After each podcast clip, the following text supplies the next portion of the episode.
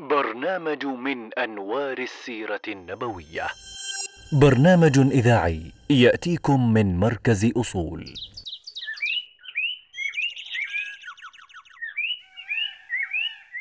صلح الحديبية.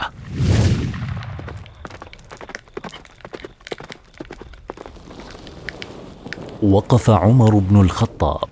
ذلك الرجل الصلب القوي. يتأمل. لم يكن يخطر بباله ذات يوم أن يعيد المسلمون واحدا منهم إلى كفار مكة ليذيقوه ألوان العذاب وأصناف الهوان. ها هو أبو جندل يرسف في قيوده من جديد. لقد صبر على التعذيب من أجل دينه سنين لكنه الآن سيعود إلى الكفار. لم يعد عمر يطيق صبرا فهو يشعر بدمه يغلي وقلبه يحترق غيرة على المسلمين ونصرة لهذا الدين. لكن ماذا يفعل؟ ورسول الله هو الذي أمضى هذا الاتفاق مع قريش. ذهب إلى رسول الله صلى الله عليه وسلم يا رسول الله ألسنا على الحق وعدونا على الباطل؟ أجابه رسول الله صلى الله عليه وسلم بلى. فقال فلم نعطي الدنية في ديننا اذا استيقظ رسول الله صلى الله عليه وسلم على رؤيا رآها. رأى أنه وأصحابه قد دخلوا مكة وطافوا ببيتها المعظم. حكى لصحابته فاستبشرت النفوس وتهللت الوجوه فرؤيا الأنبياء حق والمسلمون قد ألهبهم الشوق إلى مكة وبيتها المحرم. تجهز المسلمون مع رسول الله.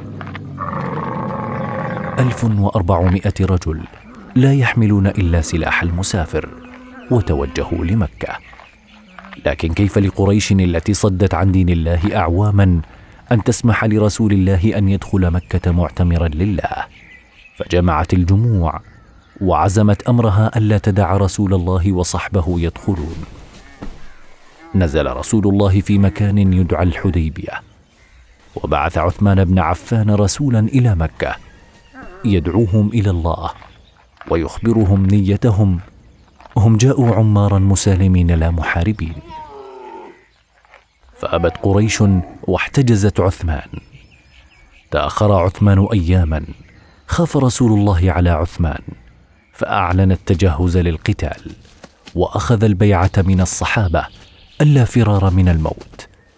فاليوم يوم حق وقوة لا يوم ضعف وخور. فكانت بيعة الرضوان فيها نزل القرآن لقد رضي الله عن المؤمنين أصحاب البيعة والصدق والوفاء. أرسلت قريش رسلها تريد تفاوضا وصلحا. فوافق رسول الله يريد تعظيم بيت الله والحفاظ على الحرمات.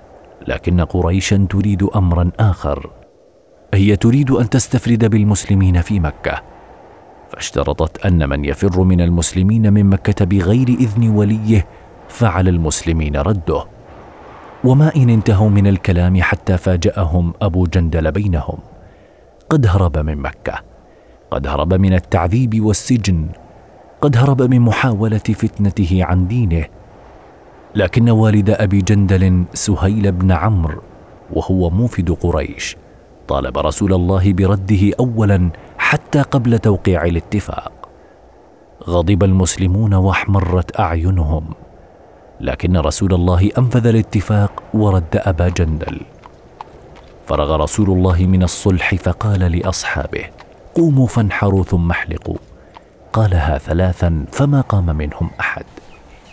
فأشارت عليه زوجه أم سلمة رضي الله عنها أن ابدأ بنفسك وسيلحقك الجميع. فبدأ بنفسه فنحر وحلق فقاموا فما تخلف منهم أحد. وما إن وصلوا المدينة حتى نزلت آيات بينات. إنا فتحنا لك فتحا مبينا. في الحديبية مهما بدا رأيك جميلا فإن الحق لا يخرج عن أمر الله ورسوله. فبأمره استمسك ورأيك اتهم. فمهما بدا لك الاتفاق ظالما فقد قلب حياة المسلمين وحال دولتهم في الأيام القادمة.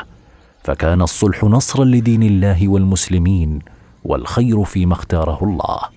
في الحديبية الخير كله في الشورى من ذكر كانت أو أنثى ولا خير في رأي إن لم يوافقه العمل. في الحديبية نسميه صلحا وسماه الله فتحا مبينا. فتأمل. برنامج من أنوار السيرة النبوية. برنامج إذاعي يأتيكم من مركز أصول.